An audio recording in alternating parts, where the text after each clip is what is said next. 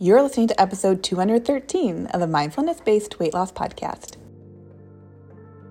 Welcome to the Mindfulness Based Weight Loss Podcast, the show for women like you who have tried restrictive diet after diet and are ready for simple, thoughtful solutions to help you sustainably lose weight for the last time from a place of abundance and peace.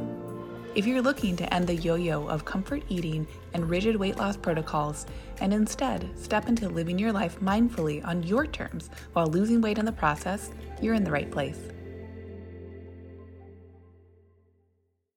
Hey, pretty people, welcome to the show.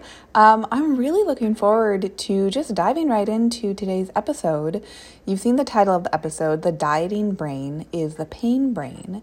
And I want to offer some context for what this episode will include because I realize that this subject is something that comes up in one on one sessions. For some clients, it resonates. Um, or it's it's like a subject that we explore a little bit one on one it, and although it's not necessarily in the Lean and Liberated program materials, it is a subject that I personally come back to as someone who does have a relationship with pain. I think we all have a relationship with pain, and I think some of us might have more of a relationship with chronic pain. So, if you're someone who experiences chronic pain, that's what I mean by I have a relationship with pain. And I was realizing after some client conversations that it might be really useful to put this information into an episode for you. If you are also someone who, well, and again, I think everyone's experienced pain, but who maybe has experienced physical pain and enough physical pain in whatever amount that it's become something chronic or something that you think about here and there, regardless of whether that is chronic back pain or maybe something that is a little bit more intense, like fibromyalgia, or you have a different type of chronic pain, arthritis. There's so many different variations of pain. I think it can actually be kind of hard to pinpoint the type of pain that one might be experiencing or the types of pain. But when I'm talking about pain brain today, just know that what I'm talking about is the relationship to the sensations that we experience in our body. So, I'm going to be creating a bridge between the dieting brain, which is this intangible thing, right? A diet is intangible. There can be lots of different types. How we categorize a diet to ourselves it might vary person to person. Our own experiences can be so widely varied because there are so many different diet, diets and because there are so many different thoughts we can have around dieting. Um, and so, I'm going to bridge what is happening in our brains and the connections I've seen and have personally experienced with dieting into our brain's way of experiencing pain and chronic pain because I think there are a lot of similarities. And I've experienced them, and some of my clients do. So let's just jump right in. And so, what I want this episode to be, I want it to be very straightforward because everyone's experience, like I just said a minute or so ago, is going to be individual, it's going to be specific. And while there can be so much variation, I want the greater point of this to be the takeaway. And so, the dieting brain is the pain brain. And at the end of the day, what that sentence means is that we have, as humans, a stress response. Okay? So, at the very least, I want you to connect dieting to stress and then pain, and in this instance, more of that actual kind of physical pain to stress. So, our brains have this amazing adaptive process where they can become stressed out. Now, in our culture, in the kind of colloquial sense, our general vernacular as a culture, right? The general way we think about stress is that we, in general, think of stress as something bad, right? I'm stressed out. Ooh, who would want to be stressed out? Usually in our culture, the way we consider stress is that if there's a greater purpose to the stress, then we will persevere through that stress in order to get to the other side. And maybe that is something that you've experienced while you've dieted. Well, if I just get through the next week or the next handful of weeks or this next, you know, three months of doing the hardcore diet, I'll get the weight loss on the other side. So, right now, that weight loss is so appealing, I will just doggedly get through the stress. Or you can think about, let's say you have a large work task, or when you were in school, there was a big project that you did. When you're in the middle of the stress, it can feel like, why did I choose this? But very often, by the end of the stress, when reflection, we say, aha, I persevered through that stress and got to the other side. So there can be adaptive reasons why we might be choosing stress, right? A big project that might then help us graduate, get the degree that we desire, the work project that will help us continue to climb the corporate ladder, to perform well at work. And there are also are ways that we experience stress, like the stress of a, a restrictive diet, where we get through it, we lose sight of the goal. And because the stress is actually so misaligned with our values, whether we know it or not, which is a big reason why we stop dieting, we stop dieting because the stress of the diet isn't actually aligned with how we want to live our lives. And so we just often throw our hands up in the air and say, no thanks, I'm done, right? Like, done with the way of like eating this week. I'm just gonna like take a break on the weekend. But what happens with that dieting cycle, which I have a whole episode about, the dieting cycle, once we take that break, then we start to feel stressed out by the break. Maybe we feel guilty that we stopped the diet, and then we go seek out another diet, and the cycle continues. So, our brains have a beautiful stress response. And the reason we have that stress response is to help us persevere. Now, way back in the day, from an evolutionary standpoint, we might have had to persevere acutely through acute stressors. And often I think those acute stressors were probably pretty life threatening. There might have been, I, I always use this example, there might have been like a lion or a tiger running after you. You bet your butt you want your heart rate to increase as it sees an angry lion. You want your blood flow to get into your muscles. You want to shut down digestion. And you want to run the heck away from that lion so that hopefully your life continues. and the difference now, these days, is that our stress response, which really was so geared for acute stressors that we either got away from or we died or were injured from, be there and then be done with it, regardless of the outcome. Now, what's different these days is that we are engaging in a lot of different chronic stressors. Chronic money problems, chronic relationship problems, right? Chronic emotional drain, chronic insecurities across the board, whatever they might be. Financial, economical, relational, uh, spiritual, so many different permutations of things in our current culture that are very stressful. But they're, but they're not a tiger that we can run away from. There are these types of problems or issues that, of course, can be quite systemic and systematic and beyond the scope of this episode in terms of inequalities and inequities. And also, very often, they boil down to those types of issues that require chronic management, right? If you want to get out of a intense financial stressful situation, it might take chronically assessing your finances and taking those steps step by step to move out of that chronic financial issue. And so, the reason now I bring up the connection between the dieting brain and the pain brain, specifically with chronic pain, is that I do think that for many of us, we have experienced some level of chronic pain at some point in our lives. For some of us, it might be a much larger span of chronic. It might be over years and decades. And for some of us, it might be chronic in a season.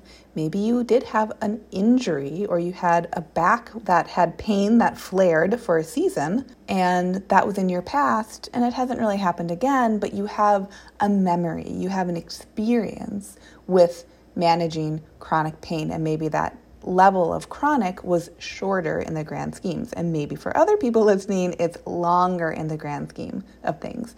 So the reason I'm using chronic pain as an example is that I do think the feeling of the pain is something tangible that we can root down into. But this really, the dieting brain, could also be aligned with the pain brain in terms of chronic financial issues or chronic uh, relational issues. So they will be interchangeable.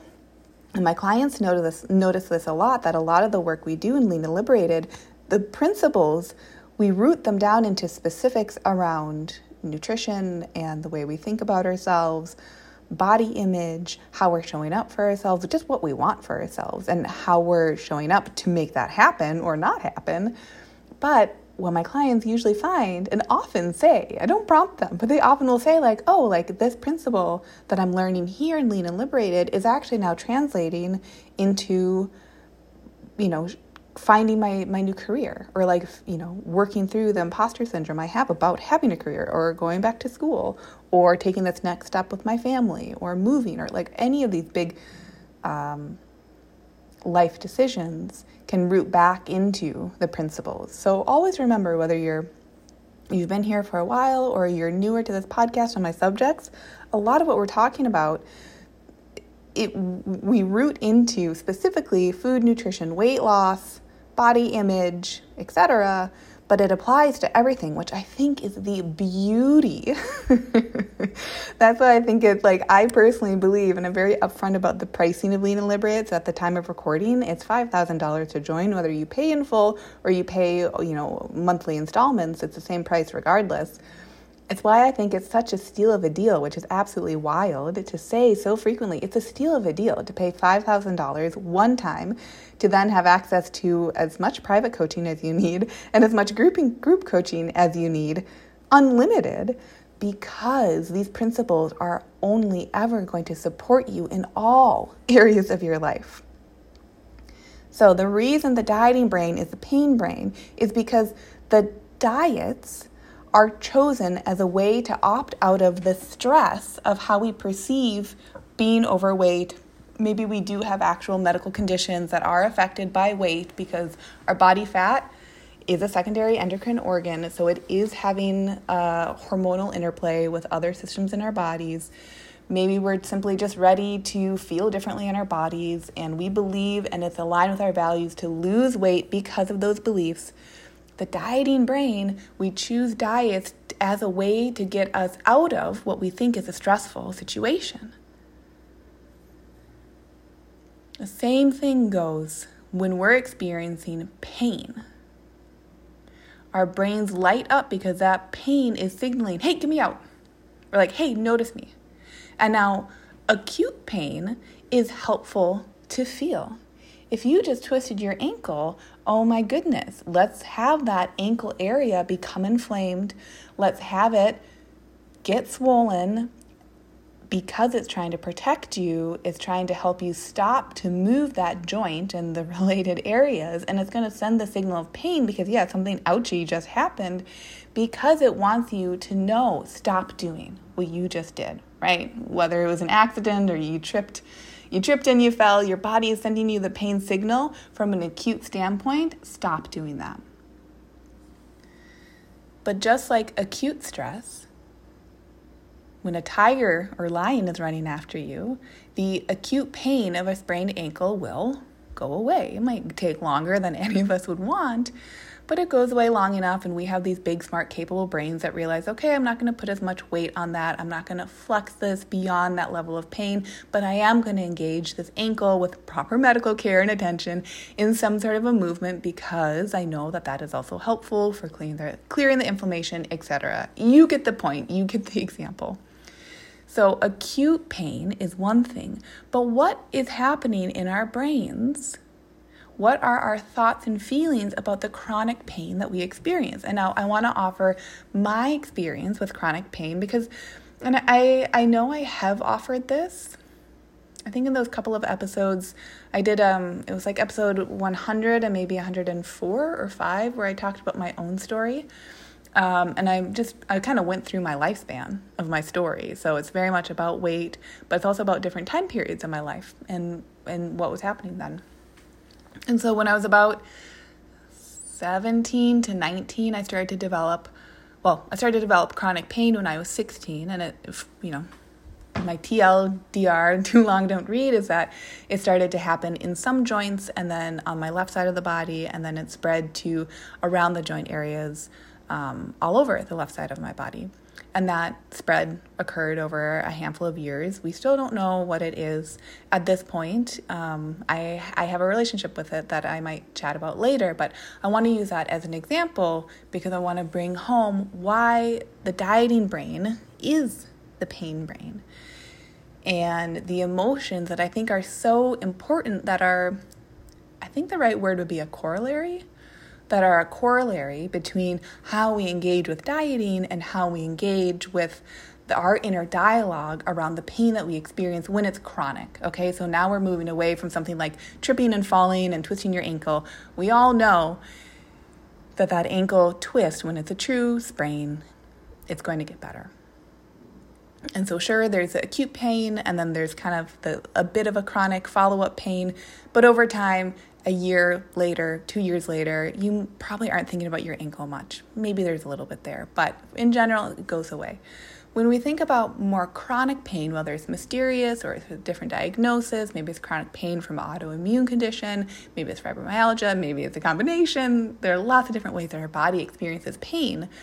The pain signal, when it becomes chronic, we can then start to develop chronic habituated thoughts about our pain. And so the reason I bring up my chronic pain, again, I don't love, like, I know some people basically talk about themselves all the time. I don't I don't love doing that. So I hope when I share stories about myself, my only intent is to be able to like basically just offer that story so that it's useful to you, okay? Um, like I remember learning that when I was getting my master's in social work, and I felt like that was a very helpful way to consider that story sharing. So for me, the chronic pain was coming on when I was about 16, and then I had this experience when I was about, I'll just say 19 or so, and I was living with my parents, and I was carrying up a basket of laundry up their staircase. And I was feeling pretty frustrated with my pain because it had meant I had stopped playing the violin, something that was pretty much the nearest and dearest to my heart at the time. And I was feeling really adrift. I was like, what is my life? Like, great. Like, I'm 19. I'm in pain all the time. Like, this blows. and I was a, a very, like, positive person at that age. But it, I was feeling very negative, And I was also feeling like when I would share with people that I was in pain, I wasn't really being heard. And I felt like it felt like I was complaining, and I, you know, I was looking for negative attention essentially, um, which of course would have been great to receive attention because I was in pain. But I was also had access to medical care, and anyway, everything was coming out normal, but it was normal, and I was still in pain. So I was feeling frustrated by that, and I remember walking up the staircase at my parents' house holding the basket of laundry, and I think I had just folded the laundry. And folding laundry felt fine, but playing the violin didn't, and that bugged me. I was like, what the heck? And so as I was walking up the stairs, I just remember thinking to myself, you know what? Complaining and being angry is making this pain a negative life experience for me. And I remember thinking, I actually could have a wonderful life plus pain. And which was really astute for a 19 year old. Like I'm so proud of myself for that thought.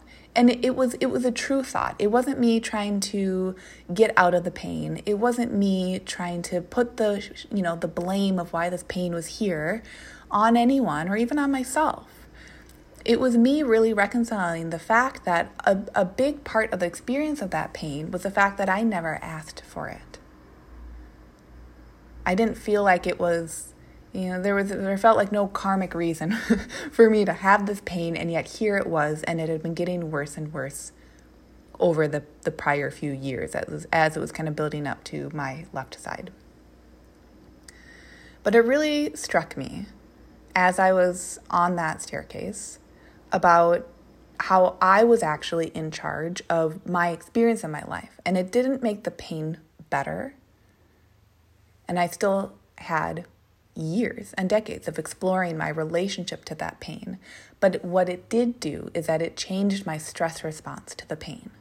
So instead of the pain abruptly changing my life every single time I notice it, and then all of my attention going to the pain and perseverating on the pain and wanting to then complain about the pain to maybe get an experience or camaraderie or something to take the pain away.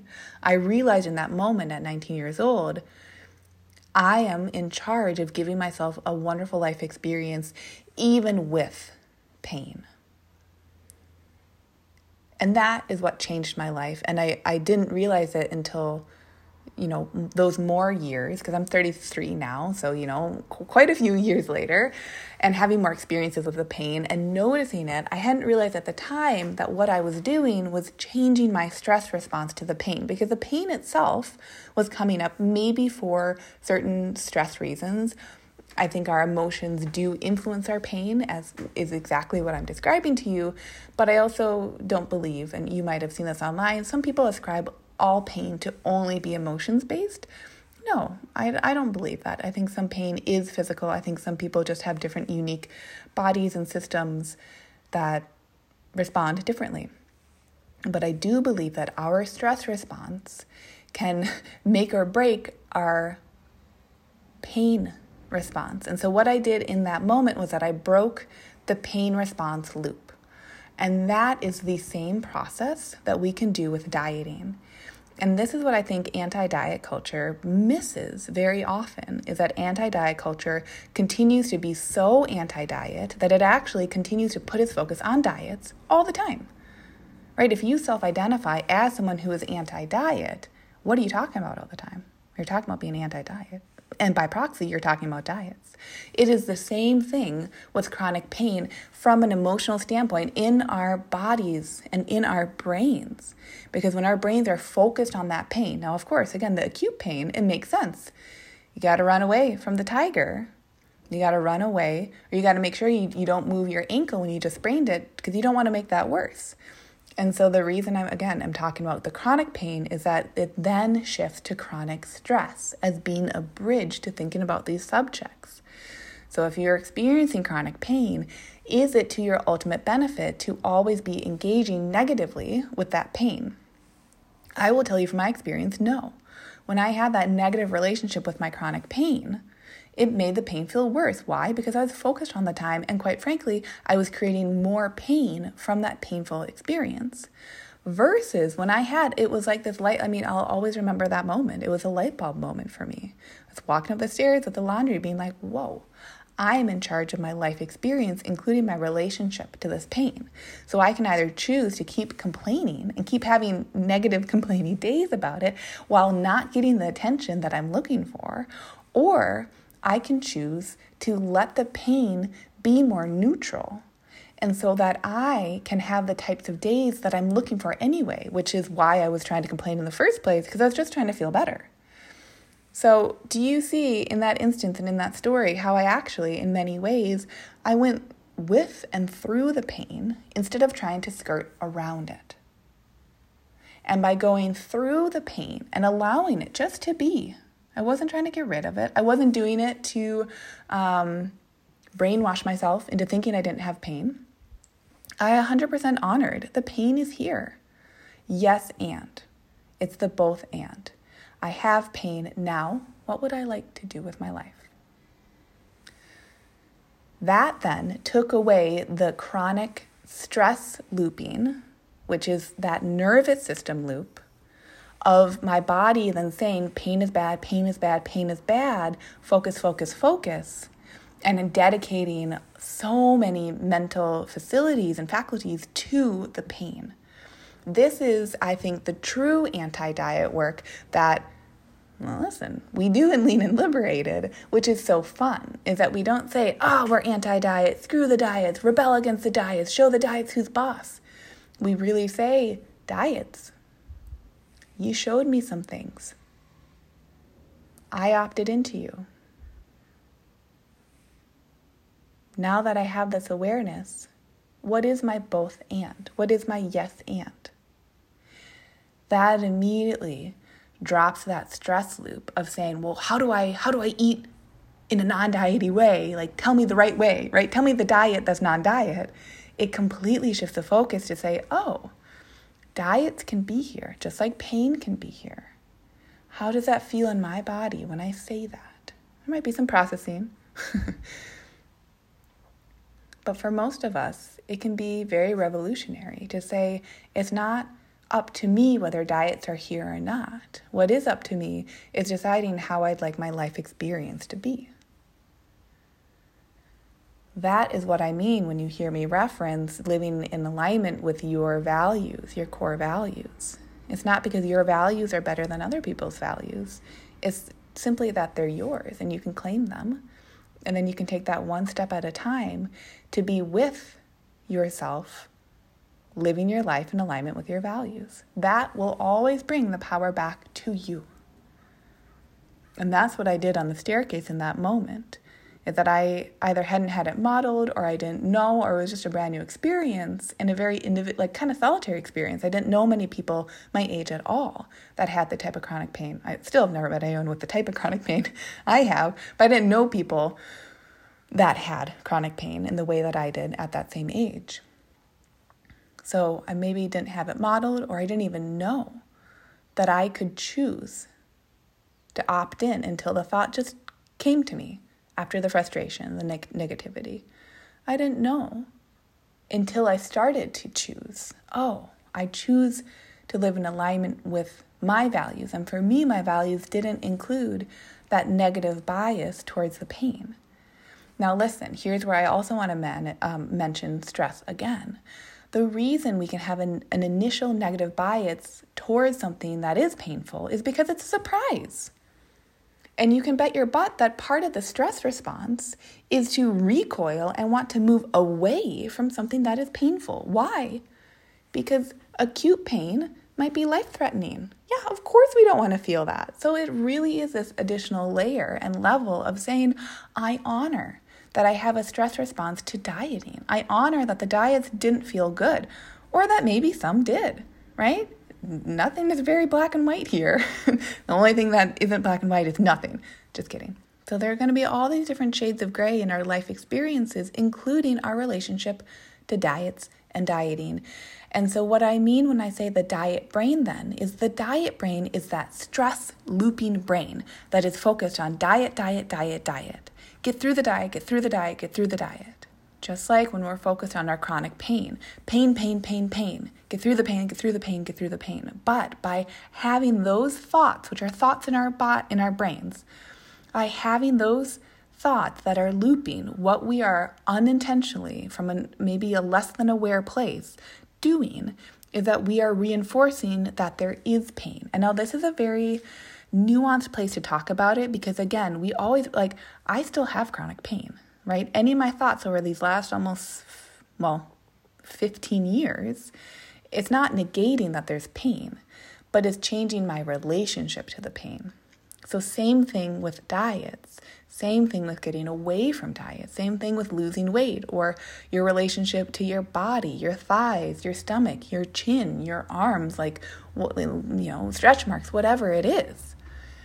It isn't to negate, of course, there's a body there, of course, there's stretched skin, but it's to change the relationship to the objective first and then subjective later. And that's what happened on the staircase is that I showed myself, oh, objectively, I am in a pain experience. But what's different is my subjective take on it. Instead of deciding that the way to manage that is through negativity and sharing that negativity with others, I'm in charge of allowing the pain to be objective because it is. It, it, my labs are coming back normal. It wasn't indicating anything acutely wrong, right? All that stuff was objectively checking out. And that's where I could root down into my subjective experience coming back into what actually aligned with my values and how I wanted to move through my life. And complaining is not how I wanted to move through my life. It wasn't helping me become closer with other people. It wasn't helping me relieve the pain. It was making the pain more uncomfortable because it reinforced the negative bias and the emotional stress looping that doubled down on the pain. So, when the diet brain believes that diets are bad, when the diet brain believes that there's a right diet out there, when the diet brain believes that you've got to be anti diet in order to no longer have diets and you've got to keep focusing on those diets, is not really giving itself the chance to boil down to what is objectively has been happening. And once it's okay and your nervous system feels okay for it to see what's been happening objectively, which really just means writing things down you know, I think sometimes people ask like, "Okay, but what do I do?" You write stuff down. You just you get it out onto paper. So then you can start to see what is actually factually true here and what is my subjective take. And now here's the radical bit is that you can continue to do whatever it is you want to do. You can continue to live out of alignment with your values. I don't think we hear that enough in our lives. You can also continue to want to like be in more alignment with your values. There's not actually a right or wrong. But so frequently in this dieting culture that we have, we've been trained to do the quote unquote right thing, be good, be better, especially as women, people who identify as women. There's a lot of societal training on us to be perfect, to be perfectionists. And so once we detach from that thinking, that's then that place where we can really say, oh, well, what is it that I want? I might actually enjoy doing things in ways that I find correct a lot of the time, but like, what is my relationship to when something doesn't go as planned? What is that my relationship to there not being any right or wrong foods? What is my relationship to kale? What is my relationship to sugar? Once we get into a place where we allow that stress loop to stop, which is exactly what we do in like when I'm working with clients, that's the goal of the six weeks of one on one work, is that we dive deeply. And that's why I like to do it privately.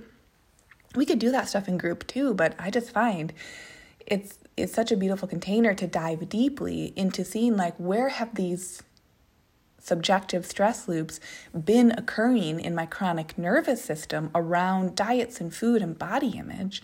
And as we unpack that stuff, unload it, get it up out onto the table, then we can start to shuffle it and see, oh, it's not you know, this food against that food or my broken metabolism or my thyroid. It's so much more about my relationship, my subjective take on myself and what I do when I'm thinking that stuff. Just like it was my subjective take before I had that awareness on the stairs, my subjective take was, oh, to get out of pain, I need to complain. Even though as I was doing that, it was feeling horrible because it wasn't actually helping, but it was my subjective take. And until I got that information out in the open with myself, which I was just processing, that's when I was able to see, oh, wait, the complain loop isn't actually getting me towards my goal. It's doubling down on why I feel so crummy. So even while the pain might not be changed by that, my experience of the pain becomes so much better and so much more aligned with my values when I take the pressure off to somehow try to get away from the pain. I can just see it for what it is because it's no longer challenging me, because I no longer view it as an acute stressor. So that is what I want to offer you this week is noticing not only your relationship to diets and dieting and the idea, the concept of dieting, that's one thing, but also your relationship to, of course, all the foods on your plate, your relationship to there not being diets, your relationship to any subjective takes about trying to get away from dieting, when you start to boil it down and reduce it into that, it's going to be so supportive to be able to really start to look at oh, what are the objective bits of information and what are the subjective? And when we can look at the subjective objectively, it gets a little meta, but I promise you it's worth it. So that's what I want you to be thinking about this week. Thank you so much for being here. If you have a minute, please leave a rating and a review. I'd love to hear how the podcast has been supporting you and it helps bring the message of what to me is truly anti diet because it's like beyond diets. Like diets just lose their they lose their subjective take because we just have a better relationship with dieting. That is impactful for you, the messaging here. I'd love for you to share that so that we can keep building the message. So, that's your episode for the week. Thank you so much for being here. See you next week. Bye. Hey, if you love today's show, I'd love for you to take a minute and give a rating with a review. If you too are ready for more women to make life choices from loving mindfulness, that means we need more women listening to this message so they know it's available to them and they can do it too. And if you're ready yourself, come join Lena Liberated, where we'll work together and you'll learn how to take this process to the next level in your weight loss goals, life desires, and beyond. Go to luciahawley.com, that's L U C I A H A W L E Y.com to connect.